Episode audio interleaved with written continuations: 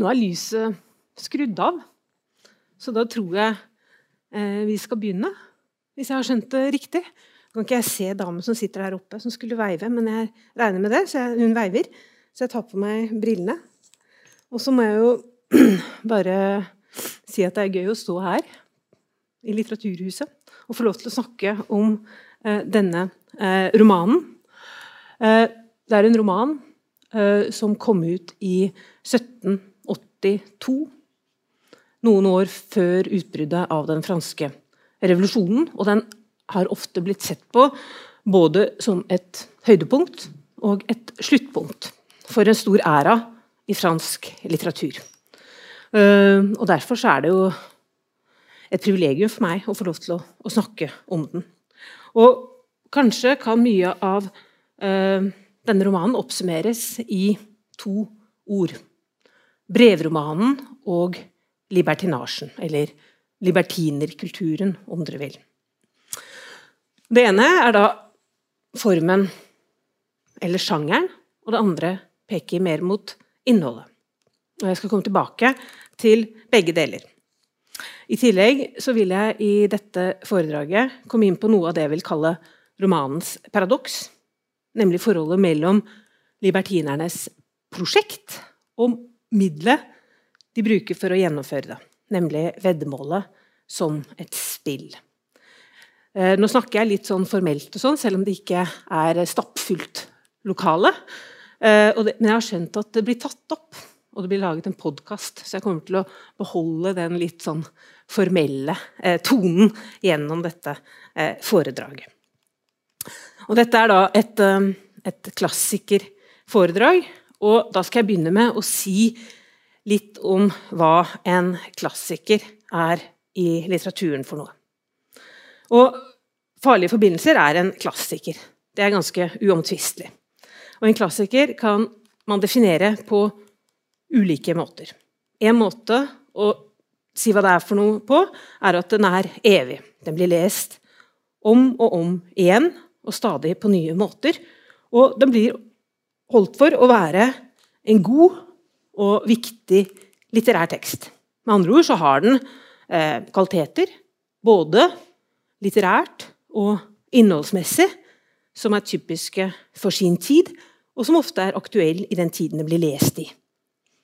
En annen måte å definere en klassiker på, som ikke står i motsetning til den forrige, er at den er eh, kanonisert. At den over tid har blitt regnet for å være blant de beste og uomgjengelige for de som vil kjenne litteraturhistorien. Det er en tekst som man leser i klassen, kan man si. Som det blir undervist over på skolen og på universitetet. Nå er ikke farlige forbindelser pensum på litteraturvitenskap ved Universitetet i Bergen, men den kunne ha vært det. Men den er litt, eh, litt tjukk, og som regel så velger vi litt tynnere bøker til våre bachelorstudenter. En tredje måte å definere en klassiker på, som heller ikke står i motsetning til de to uh, forrige, er å si at det er en tekst som alle har et forhold til. Enten de har lest den eller ikke, slik mange i Norge kan referere til Nora og vet at det har med Ibsens 'Et dukkehjem' å gjøre, selv om de verken har lest stykket eller sett stykket oppført. Et annet eksempel er eh, prosessen av Kafka, som kanskje noen har lest om i, både Morgenbladet og Klassekampen tror jeg, de siste ukene, eh, som stortingsrepresentanten for Rødt, Sofie Marhaug, og vår stipendiat på allmenn litteraturvitenskap har gjort et nummer ut av at flere politikere refererer til, uten at de vet hva boken handler om. Eh, og 'Farlige forbindelser' er egentlig en klassiker i henhold til alle disse definisjonene. Den blir lest om og om igjen, og stadig på nye måter. Den hadde stor suksess da den kom ut i 1782. og Deretter så ble den forbudt i lang tid i Frankrike på 1800-tallet. For så å bli tatt opp igjen på 1900-tallet, både som en roman som feirer revolusjonen og kjærligheten, og en roman som beskriver kvinners muligheter for frigjøring i et ganske eh, strengt og begrenset aristokratisk samfunn.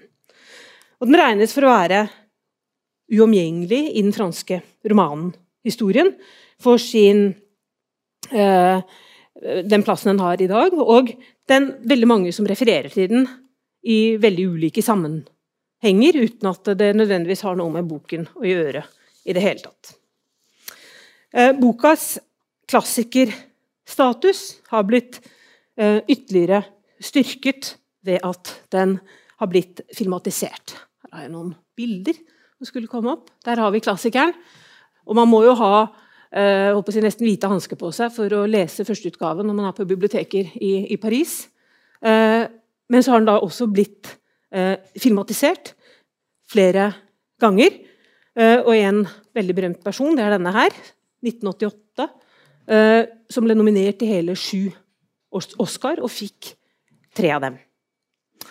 Og her kan man si at disse skuespillerprestasjonene til disse skuespillerne her, Glenn Close, John Malkovich og Michelle Pfeiffer, er etter min oppfatning veldig gode.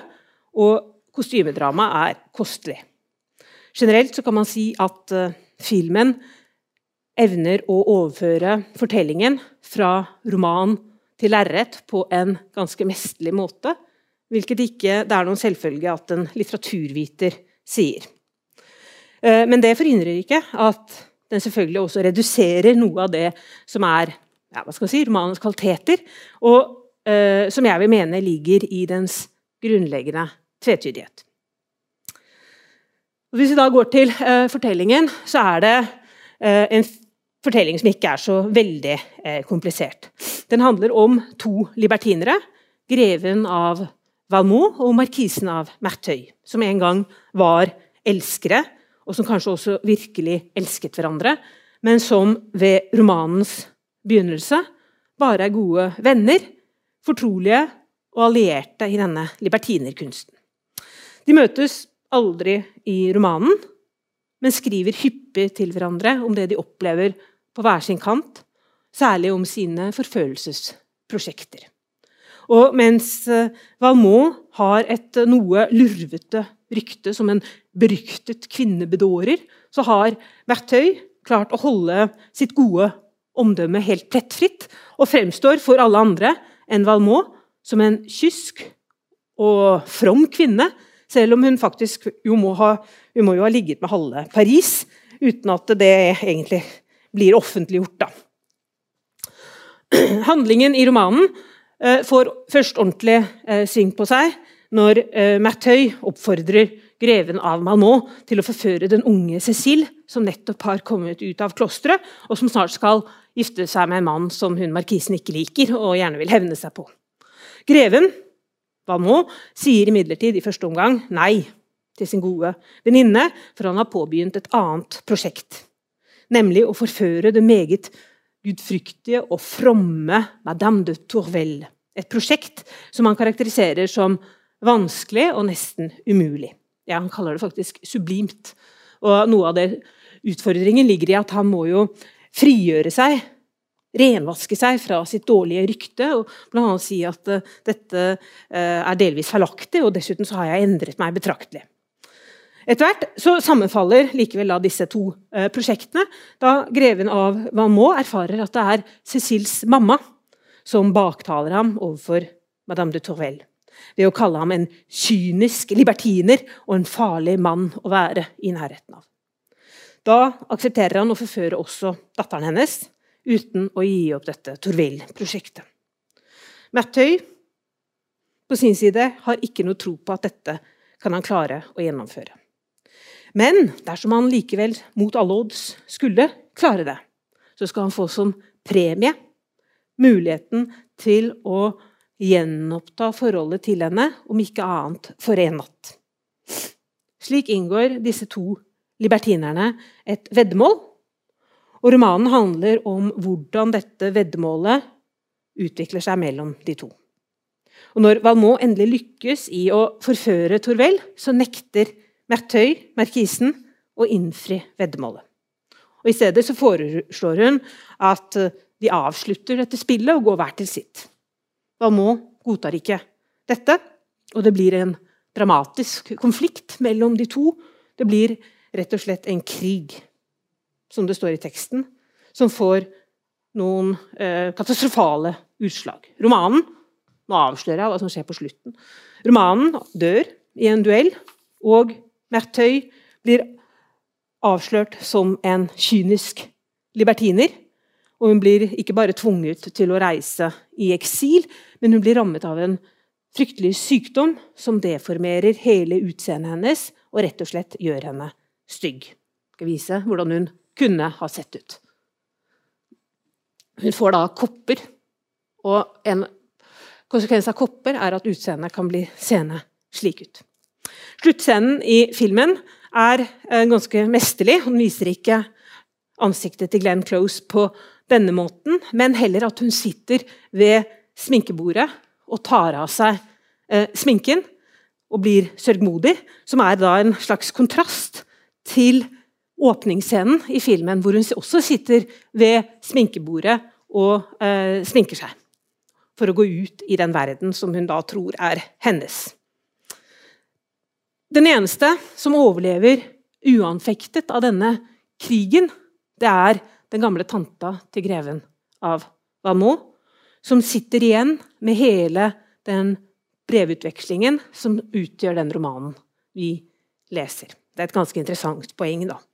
Eh, men nå skal vi se litt på hva en brevroman er for noe.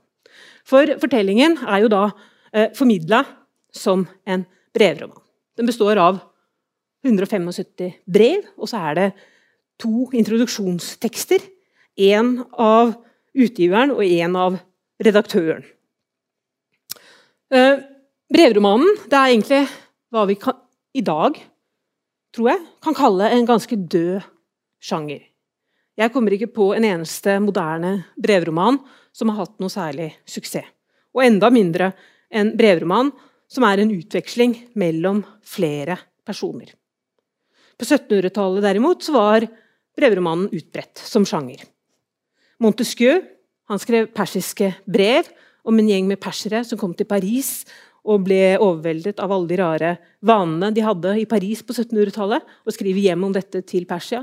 Og Rousseaus mest berømte roman, 'Julie ou la Novelle Louise', eh, er også skrevet som en brevroman. Og også i England var brevromanen ganske populær. Eh, Samuel Richardson har skrevet to eh, skjellsettende, i hvert fall i engelsk litteratur, brevromaner. 'Pamela' fra 1740 og 'Clarissa' fra 1748. Så dette her var jo en roman som på en måte en type roman som var i omløp, og som man eh, hermet litt etter hverandre, og så la man til noe nytt. Så hva er det egentlig da med denne brevromanen? Den inneholder noen grep som preger ikke bare hvordan historien formidles, men også innholdet i den. En brevroman foregir nesten alltid å være sann. Den har en, en sannhetsambisjon, en forpliktelse på autentisitet. De later som de er ekte, disse brevene. Og det gjelder også i tilfelle i farlige forbindelser. Det er en utgiver som har fått tak i dem, og han har ikke gjort noe annet enn å organisere dem etter dato og tatt ut de såkalte uinteressante brevene. Uh, og vi vet jo at dette er jo mye mer, et, mer et litterært grep enn det er en, en faktisk opplysning. Brevromanen forteller en historie i nåtid, i presens, i sanntid. Mens historien foregår. Riktignok forteller ofte brevskriveren om det som skjedde i går og foregårs, men selve denne skrivesituasjonen blir en del av fortellingen. Og Det ser vi ofte i denne eh, romanen, ikke så ofte i filmen, eh, hvor det står at eh, nå har jeg et par timer fordi været er så dårlig, som jeg kan skrive til deg. Nå må jeg avslutte dette brevet fordi jeg må ned og, og spise lunsj med tanta mi. Sånne replikker, sånne kommentarer, leser man ganske hyppig i teksten. Samtidig så forutsetter brevromanen at mottakeren er eh, fraværende. Brevet er alltid henvendt til noen som ikke er til stede. Og Det forutsetter dermed et type fravær som blir helt eksplisitt og påpekt i eh, fortelling. Og Det er veldig forskjellig fra andre fortellinger, f.eks. For en, en selvbiografi eller en retrospektiv eh, fortelling, hvor man vet hva som har skjedd hele veien fra man begynner. Derfor så blir en brevroman nesten alltid det man kaller performativ. den utspiller seg der og da foran øynene på leseren. Og brevene utgjør på mange måter selve handlingen i romanen og blir en viktig del av intrigen. Og Sånn blir også brevet et risikabelt medium. Brevet har en tiltenkt mottaker, og det er gjerne privat og eh, personlig. Samtidig kan brev komme på avveie, det kan bli lest av andre, og det kan bli misbrukt. Og I farlige forbindelser er det mange eksempler på dette. Og Særlig berømt er brev nummer 48 og nummer 49, hvor Valmont skriver på ryggen eller på rumpa til en av sine forbindelser, en prostituert under et samleie, skriver han et heftig kjærlighetsbrev til denne Madame de Tourvel. Og mens Tourvel skal lese dette som et kjærlighetsbrev og som en lengsel etter henne, forstår vi og Mertøy, markisen, som i et tilleggsbrev får forklart konteksten, at det faktisk er skrevet under selve akten med en prostituert, hvordan dette foregår. Vi skal se et par eh, sitater herfra. Dette er det han skriver til eh, markisen. Jeg må ta av meg brillene. Denne vilje fra min side er prisen for den hun nettopp har vist meg ved å tjene som skrivepult for et brev til min skjønne fromme, som jeg fant det morsomt å sende et brev til. Skrevet i en pikes seng og nesten i hennes armer. Til og med avbrutt av den mest fullkomne utroskap, og hvor jeg nøyaktig gir regnskap for min sinnstilstand og min oppførsel. Emilie, som har lest epistelen, lo som om hun var fjollet. Emilie er da den prostituerte. Og jeg håper at de også vil le.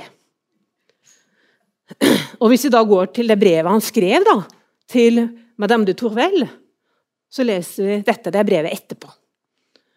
Etter en stormfull natt, hvor jeg ikke har lukket et øye etter ustanselig har vært enten i den aller høyeste opphisselse eller knuget under de mest fullstendige tilintetgjørelser av alle mine livsånder, kommer jeg til dem, frue, for å søke den ro jeg behøver, men som jeg dog ennå ikke tør håpe på å finne. Den situasjonen jeg befinner meg i mens jeg skriver til dem, la meg i sannhet mer enn noensinne føle kjærlighetens uimotståelige makt.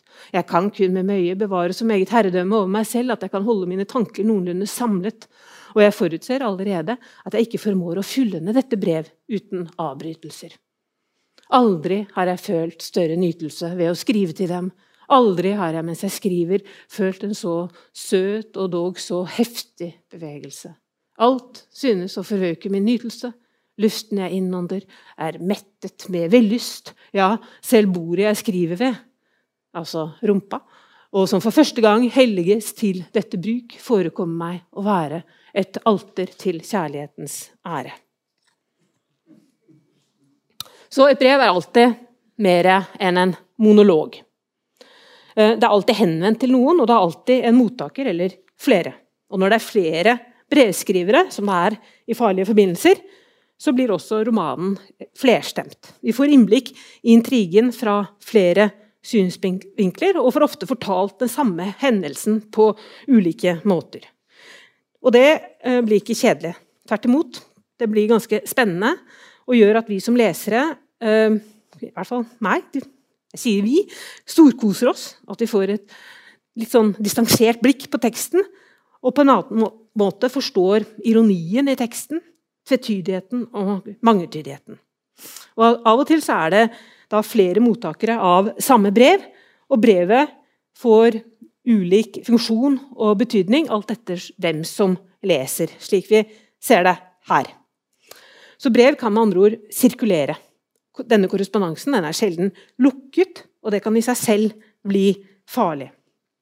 Her så har jeg litt lyst til å minne om det som er romanens fulle tittel. De hadde ofte veldig lange titler på eh, 1700-tallet.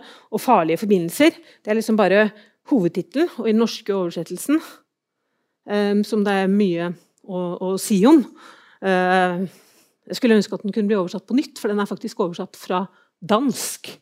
Og disse forordene og notene er oversatt fra tysk. Så vi har egentlig ikke en ordentlig oversettelse av denne romanen eh, på norsk.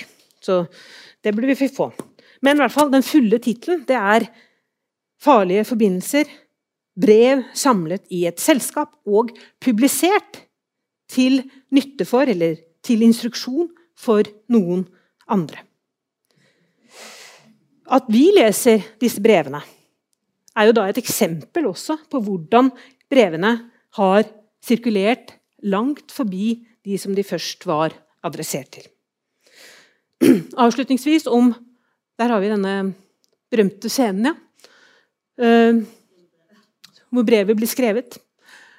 Men avslutningsvis om brevromanen så må jeg nevne at det, det å skrive brev på 1700-tallet det var en helt naturlig del av det mondene liv, fra borgerskapet i hvert fall, og uh, oppover i de sosiale klassene. Det var noe som alle gjorde, og mestret i ulik grad. Og selvfølgelig veldig forskjellig fra våre tiders SMS, Facebook, Instagram, TikTok, TikTok heter det vel, og you name it.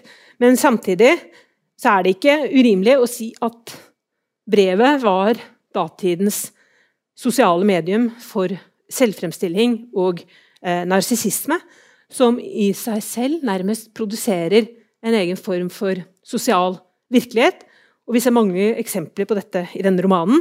og Det er kanskje også noe av det som gjør den eh, fortsatt aktuell. Ikke minst beskrivelsen av de sosiale relasjonenes nådeløshet, og at romanen eh, på en måte viser hvordan eh, sosiale medium kan bidra til både å ødelegge og bygge opp egoet til brevskriverne.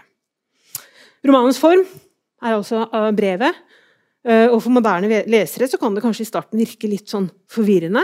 Eh, men jeg vil mene at man kommer overraskende eh, fort inn i det, og fungerer ikke minst også på innholdsplanet. Hvis vi da går til innholdsplanet, så er det en libertinerroman. Og hva er nå egentlig det? Aller først har jeg lyst til å si at det er veldig forskjellig fra en pornografisk roman. Kanskje så er den av og til litt liderlig, men eh, ikke egentlig. Eh, det er veldig mye eh, Det er litt erotikk, men ikke så mye. Eh, men den er ganske mye mye tankespinn. Kanskje mye cerebralitet i forhold til eh, det erotiske. Eh, og det er ganske mye prat om forførelse og ønske om å ha og ta sine objekter. Eh, og Libertinertermen, libertinasjen, skiller seg jo også fra eh, pornografien vil jeg si, gjennom at den har en historie. For libertinerbegrepet det er ikke bare etymologisk knytta til, men også historisk knyttet til det å være fri. For i utgangspunktet så betegnet det frigjorte slaver i Romerriket. Senere ble termen eh, tatt opp igjen og definerte på en nedsettende måte de som frigjorde seg fra autoriteter, særlig de religiøse og moralske. På 1600-tallet ble den primært brukt om fritenkere i religiøs forstand, men også i breiere intellektuell og moralsk betydning. Fritenkerne utfordret tradisjoner og overleverte normer og dogmer. Og etter hvert, særlig på 1700-tallet, eh, så ble dette forbundet med mer enn en teoretisk overbevisning, men også da en, en praktisk livsførsel. Eh, som da avvik fra sed og skikk, og forbundet med et seksuelt utsvevende liv. Så også her var fritenkerne frie og uavhengige, og de ble ikke overraskende sett på som en trussel mot det etablerte. Ofte så blir eh, libertinerne assosiert med opplysningstenkerne. Eh, Diderot, eksempel, han kaller i eh, Rameaus nevø eh, sine tanker sine horer, med en helt klar referanse til libertinerne. Men samtidig så er de også helt avhengig av det gamle aristokratiske eh, regime, hvor det også er forbundet med et bestemt sett av koder for hvordan man skal opptre i det gode selskap. Eh, si bitte lite grann om eh, det gamle regimet og aristokratiet generelt.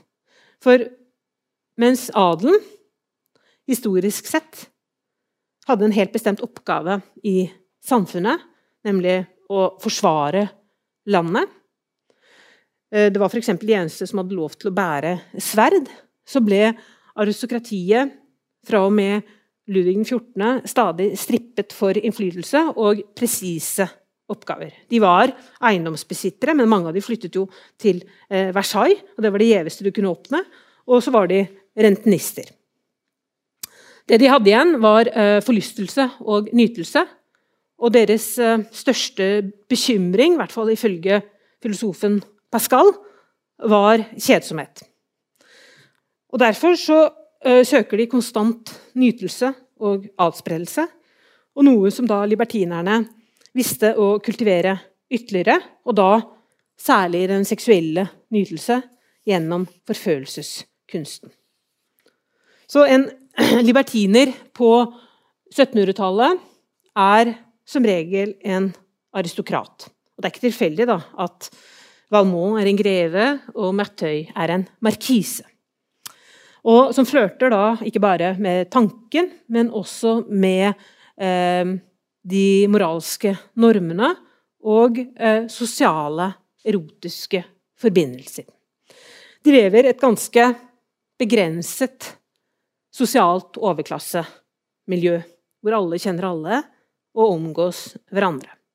Den sosiale arenaen det er salongen, det er teatret, det er operaen, eh, det er slottet og eventuelt tilhørende hager. Som regel er det i Paris eller på et slott ikke så innmari langt unna hovedstaden. Her er de da litt ute i en hage, og da, hvis dere ser nøye etter, så er det en abbed som koser seg med å sende en kvinne opp og ned på husken, mens en annen ligger under og ser hva som foregår under, under skjørtene. Eh, det er fragonar, alle disse bildene. Vanligvis så skiller man mellom to typer libertinerne. Le petit maître og l'homme de principe. Den første gruppen er helt ufarlig og fremstilles gjerne som litt selvopptatte og ofte som latterlige. Den andre gruppen, som både greven og markisen må plasseres i, regnes for å være langt mer farlige, særlig fordi de i tillegg til den lekne forfølelsen også ønsker å hevne seg på sine ofre. For disse så er forfølgelseskunsten et prosjekt. Følger en plan, en strategi, hvor man later som om man er forelsket, men hvor man egentlig bare er ute etter å utnytte sitt offer på en kynisk og egoistisk måte. Forfølgelse er med andre ord noe helt annet enn forelskelse. Det er et middel til å oppnå nytelse og må ikke forveksles med ekte, ømme følelser for et annet menneske, og enda mindre med kjærlighet. En libertiner er opptatt av å forføre, og samtidig opptatt av å forføre mange. Don Juan i så måte er en sann eh, libertiner. Og noen av dere husker sikkert Mozarts versjon, hvor han ramser opp hele katalogen av kvinner eh, som han har forført, med denne berømte arien 'Milde tre'. Trofasthet er med andre ord helt underordnet for en libertiner, og hvis ed, hvis man sverger på det, så er det en løgn eller en forstillelse. Det å akkumulere nytelsens øyeblikk er dermed viktig. Og enda viktigere enn å få disse øyeblikkene til å vare. Ehm, så erobring og forfølelse er langt på vei synonyme for en libertiner. Og i denne farlige forbindelse så kryr det av militær metaforikk. Og Laclos hadde da også en lang militær karriere før han utga denne romanen, som er hans eneste roman. Eh, han bruker disse militære uttrykkene for å beskrive disse libertinske strategiene til hovedpersonene. Rask erobring og deretter brudd er den ultimate libertinske oppskriften på nytelse. Det avgjørende å være den første som bryter, for å vise at man har full kontroll og mestrer spillet. For det er et spill, og det fremstilles som et spill som det gjelder å vinne. Og det er et spill som tar form av å være et kvasivitenskapelig prosjekt, mer enn å være basert på ekte følelser. Og Det er nettopp denne kombinasjonen av spill og prosjekt som jeg har lyst til å, dvele litt ved i, i, fortsettelsen av dette foredraget. For jeg mener at det, det kan være en interessant nøkkel til å forstå romanen fordi den peker mot det som jeg vil kalle romanens indre paradoks, eller selvmotsigelse. Og som kanskje også kan forklare hvorfor romanen eh, kollapser som den gjør. Eh, og kanskje kan det også bidra til å forstå hvordan denne romanen ikke bare er et uttrykk for aristokratiets eh, svanesang rett før utbruddet av den franske revolusjonen, men også kan betraktes som en kritikk av opplysningstidens fornufts- og rasjonalitetsbegeistring. Jeg skal ta en liten ja. Protagonistene her i denne romanen de er opptatt av å ha prosjekter. Og de har en strategisk og meget kalkulerende holdning til dem. Mammaen til Cécile skriver foraktfullt om Valmont. Han har ikke tatt et skritt eller sagt et ord uten å ha et prosjekt. Hans oppførsel og væremåte er ene og alene et resultat av hans prinsipper, skriver hun. Ord som prosjekt, plan, intensjon, prinsipper går ofte igjen i romanen, og hovedpersonene tar dem ofte i sin munn. Et prosjekt er for dem å nå et mål, gjennomføre en erobring, en forførelse, i henhold til en plan. Og et prosjekt skal være godt planlagt, nøye kalkulert og innebærer at tilfeldighetene ikke skal spille noen som helst rolle. En nestor i fransk litteraturvitenskap har formulert det på formule følgende måte. Laclos roman synes å innebære en fullstendig utradering av tilfeldigheten. Og I så måte så skiller Farlige forbindelser seg fra andre libertinske romaner på 1700-tallet, som faktisk prøver å feire øyeblikket og de anledningene som tilfeldighetene tilbyr. For hovedpersonene hos Laclos så er det derimot maktpåliggende å kunne planlegge alt ned til den minste detalj og forutse alle eventualiteter. Eh, slik at tilfeldighetene ikke får gjort seg gjeldende i det hele tatt. Eh, når jeg stresser dette litt der, så er det også litt fordi at eh, det har en sammenheng litt med Pascal, som jeg nevnte i stad, og dette med utviklingen av sannsynlighetsregningen som utviklet seg på 1700-tallet. Pascal var jo en pioner i, i så måte. Eh, og dette her med opplysningstidens tro på fornuft og vitenskap handler også om bl.a. hvordan man utvikler matematiske modeller for å forstå eh, verden. Og det å utradere tilfeldighet, få kontroll på tilfeldigheten, var en viktig ambisjon for mange av opplysningsvitenskapsmennene i så måte. Og de trodde at de skulle kunne få det til. Flere mente at bare vi utvikler vitenskapen nok, så kan vi få bukt med tilfeldighetene. Og da vil verden bli mye bedre.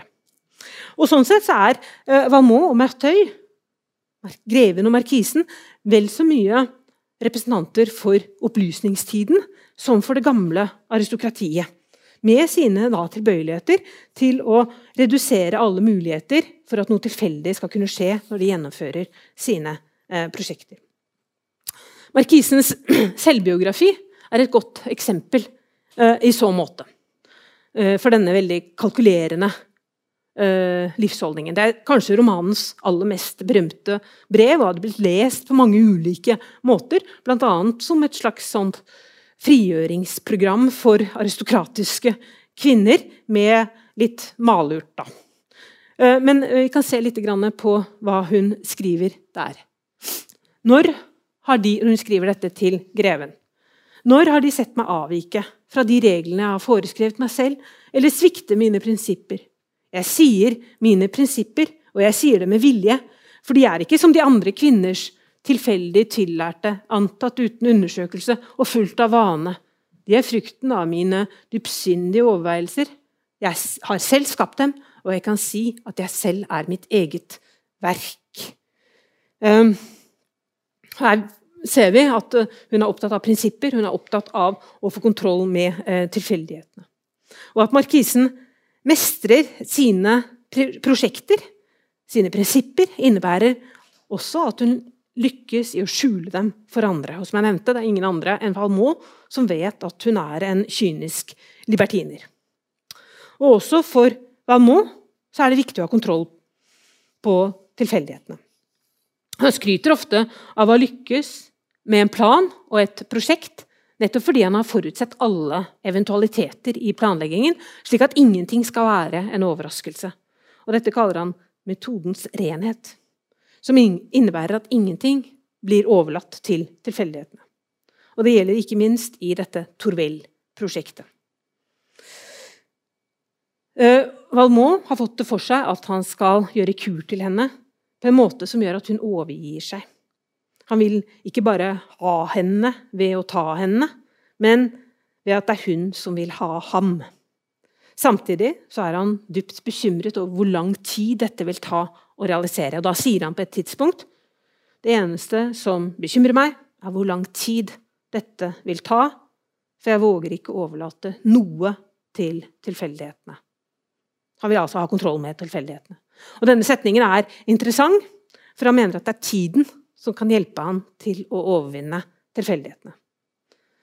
Så mens tilfeldighet ofte er forbundet med overraskelser, med øyeblikket, så er tålmodighet og varighet midlene som kan undergrave tilfeldighetene, og også hjelpe ham med å erobre Torvell. Med andre ord, i dette prosjektet så støtter han seg på den langsomme tiden, på varigheten, mer enn på det hurtige og flyktige øyeblikket til markisens store forferdelse. Og som da også strider mot de libertinske levereglene som handler nettopp om å gripe øyeblikket og benytte seg av de anledningene som tilfeldighetene tilbyr. Og Man kan jo se på dette eh, som et, en ambisjon, for det lykkes jo ikke helt. De blir konfrontert med tilfeldigheter hele tiden i romanen. Og det kan man jo se på da, som et manglende samsvar mellom ønsket om kontroll på den ene siden og evnen til å forutsette og beregne alt på den andre eh, siden. Og Det er f.eks. Eh, tydelig når denne Torvel, Madame de Torvel uten forvarsel uteblir fra en middag eh, på Slottet, eller når den lille unge Cecil låser døren innenfra den andre natten de skal ha samleie. Eh, og da skriver han helt forferdet. Jeg ble ydmyket, særlig fordi det var et barn som lurte meg. Men det aller mest spektakulære eksempelet på dette er når denne Madame de Tourvielle plutselig forlater det slottet som de er på, uten at han har fått vite noen ting om det. Og Da skriver han til markisen, kjære venninne, jeg er lurt, jeg har tapt, jeg er fortvilet. Madame de Tourvel har reist, og jeg visste det ikke. Jeg sov, og lynet slo ned på meg.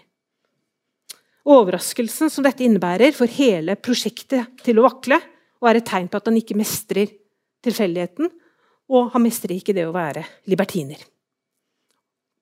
Dette blir enda sterkere fordi han, det er Torvell som på mange måter da har brutt med eh, Valmont, og ikke han som har brutt. Og når han skriver dette til sin venninne, så får han jo da ikke noen medlidenhet. Tvert imot. For han burde ha forutsatt det som skjedde. Og hun anklager ham for å være bare en liten skolegutt. Eh, og på mange måter så er kanskje denne eh, kritikken treffende. For det er flere tegn på at han ikke lykkes i å følge disse kodene i dette prosjektet. Og på et tidspunkt så innrømmer han at han bare kan handle ved hjelp av tilfeldigheter, og ikke lenger kan styre sine egne handlinger. Og da beskylder Mertøy han for å gå, ha begått den største feilen som en libertiner kan begå, nemlig å bli forelsket på ekte. Men på denne beskyldningen den avviser han kjempeheftig. 'Jeg er ikke forelsket', sier han. 'Og det er ikke min feil hvis tilfeldighetene tvinger meg til å spille en slik rolle'. Med andre ord, i dette Torvill-prosjektet så erkjenner Valmot at han ikke mestrer situasjonen, og at prosjektet rett og slett overvinner han, og at han blir en slave av tilfeldighetene. Og Når han da til slutt klarer å erobre henne, innrømmer han at han føler ekte kjærlighet. Men det får han likevel ikke til å avstå fra å bryte med henne like etterpå. Men når han bryter, så er det ikke for å gjennomføre et libertinsk prosjekt, men fordi han adlyder en ordre fra markisen. Med andre ord, i denne delen av eh, romanen så er det Merteuil som styrer prosjektet. Og det er på hennes ordre at han bryter med Madame de Tourvel, med den berømte formuleringen som gjentas mange ganger.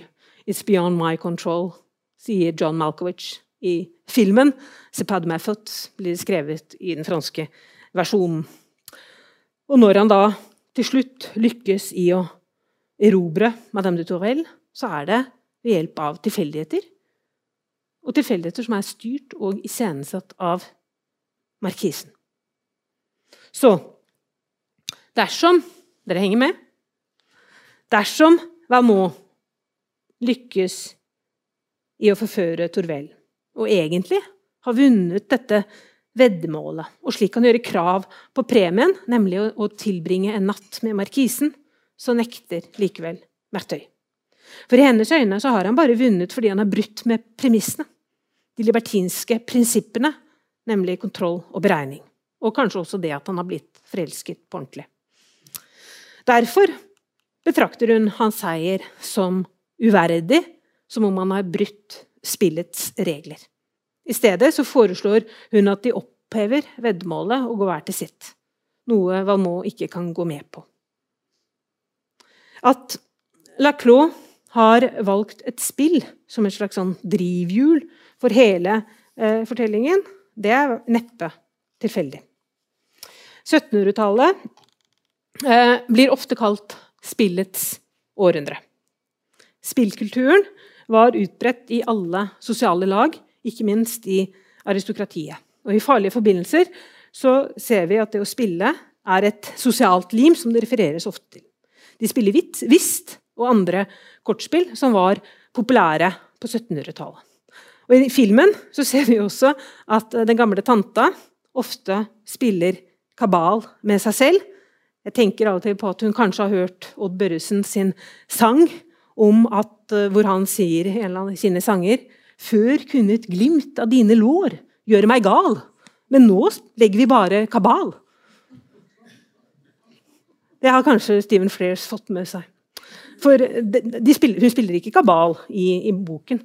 Hovedpersonene, Valmont og Merteuil, greven og markisen, deltar likevel sjelden og alltid motvillig i disse alminnelige kortspillene. Og når de gjør det, så er det kun for å nærme seg sine mål, sine ofre, eller objekter, eller hva man skal kalle det.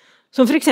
når greven går med på å spille whist på Slottet med sin gamle tante, så er det utelukkende fordi Torvell også skal være med. Greven og markisen de foretrekker et annet spill, det libertinske spillet, og spillet dem imellom, nemlig dette veddemålet.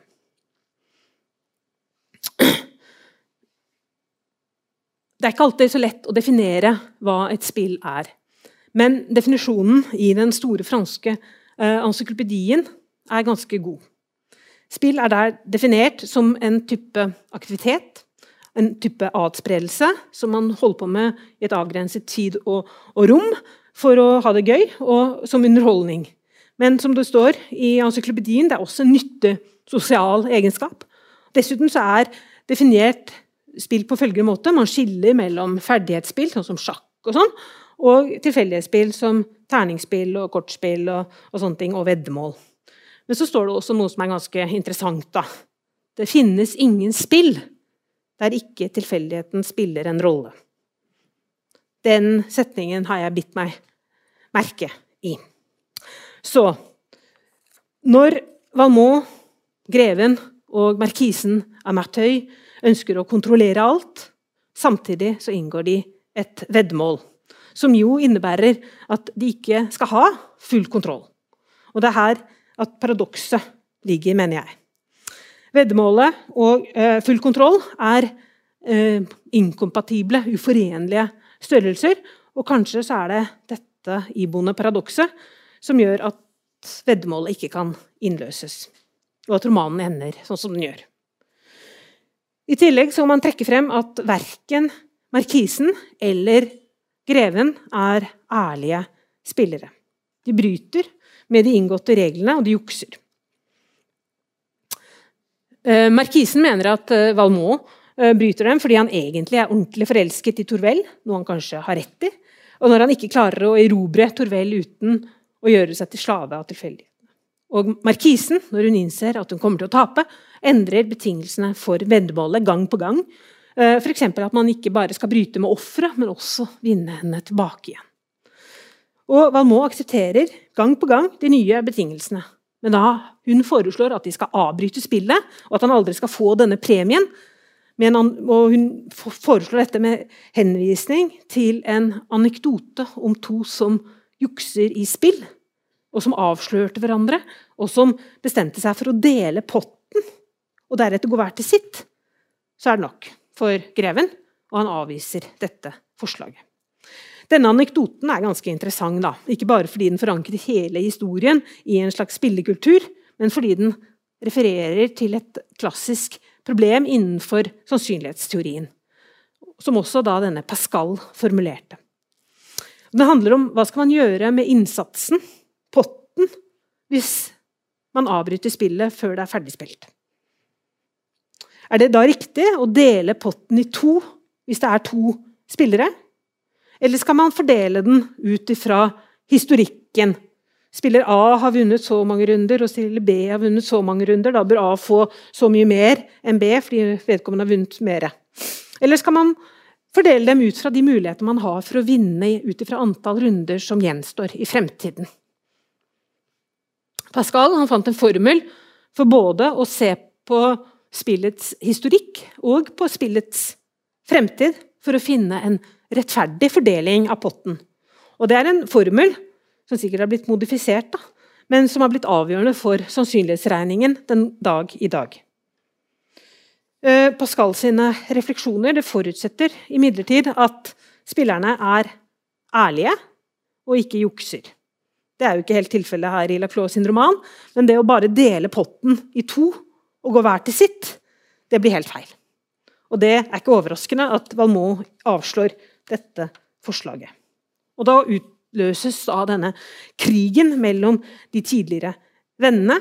En krig som blir ødeleggende for dem begge. De kan ikke lenger forutse noe som helst, og alt blir overlatt til tilfeldighetene. Og som allerede sagt eh, Valmont dør i en duell, og markisen eh, blir avslørt som en kynisk libertiner og utstøtt og ekskludert fra det gode selskap. Og I tillegg så blir hun da rammet av denne sykdommen som etterlater noen fryktelige arr og forvandler hennes skjønne utseende. Den eneste som overlever og tilsynelatende er helt uberørt av historien, er den gamle tanta. Og Det er hun som til slutt kommer i besittelse av de brevene som vi har lest, og hun kommer da med den innstendige oppfordringen om at disse sørgelige begivenheter bør begraves i den glemsel som de fortjener å bli det, og uten å søke unyttige og pinlige opplysninger. Sier hun. Og det er nettopp dette vi har lest. Uh, nå skal jeg bare avslutte uh, med en liten sånn sluttkommentar. Uh, farlige forbindelser eh, er kanskje, selv om jeg er veldig glad i Diderot, en av 1700-tallets kanskje mest lesverdige romaner den dag i dag.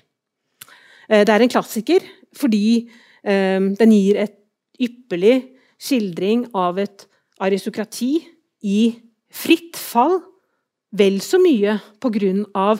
indre forfall som pga. ytre trusler.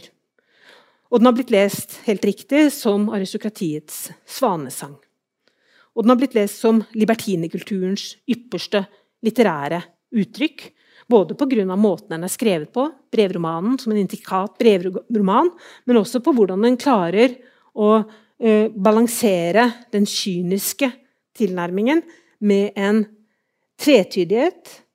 For man blir helt aldri kvitt denne fornemmelsen av at Valmont er forelsket på ordentlig i Madame de Tourelle, samtidig som at han er dypt forbundet, også følelsesmessig, til den kyniske markisen. I tillegg så vil jeg føye til at dette er en roman som også er en klassiker.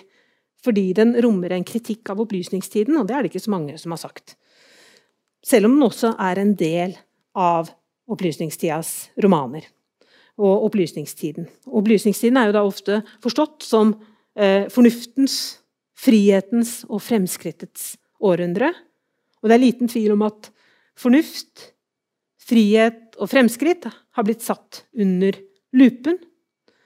Fornuftens kalkyler her møter eh, sine grenser i møte med tilfeldighetens innfall.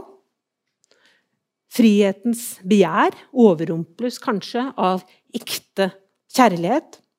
Og fremskrittet i denne romanen punkteres på slutten, da ungdommen bokstavelig talt ligger nede, døde eller med brukket nakke eller eh, fordervet utseende. Og den eneste som til slutt står igjen med verdighet, er den gamle tanta, som helst vil at vi skal glemme hele historien. Da sier jeg takk.